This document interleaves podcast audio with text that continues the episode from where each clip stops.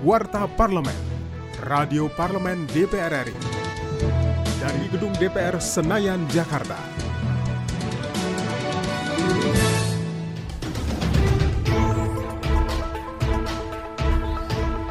Pilkada 9 Desember 2020 mendatang diharapkan dapat menghasilkan pemimpin-pemimpin daerah yang berkualitas dan memiliki responsibilitas tinggi untuk membangun daerahnya di tengah tantangan pandemi COVID-19 saat ini. Hal tersebut disampaikan oleh anggota Komisi 2 DPR RI Agung Widiantoro saat di Komplek Parlemen Senayan, Jakarta.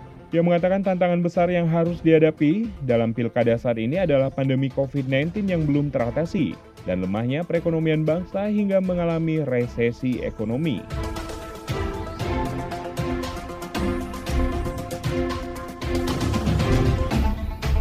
Anggota Komisi 5 DPR RI Bakri mengapresiasi pelaksanaan program pada karya tunai dan bantuan langsung tunai yang berjalan dengan baik.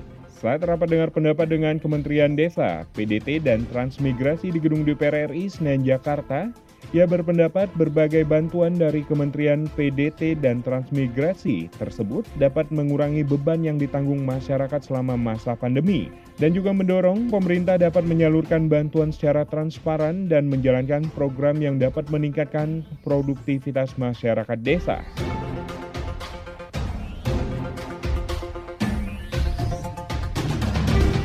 Badan Kerjasama Antar Parlemen atau BKSAP DPR RI mensosialisasikan tugas dan fungsi terkait diplomasi parlemen kepada mahasiswa di Universitas Andalas Padang, Provinsi Sumatera Barat. Usai menjadi pembicara utama dalam acara BKSAP Ghost to Campus di Gedung Rektorat Universitas Andalas Padang, Sumatera Barat, Wakil Ketua BKSAP DPR RI Mardani Alisera mengungkapkan pentingnya sosialisasi kepada masyarakat khususnya civitas akademika di setiap universitas agar masyarakat dapat mengetahui bahwa DPR RI memiliki peranan dalam diplomasi.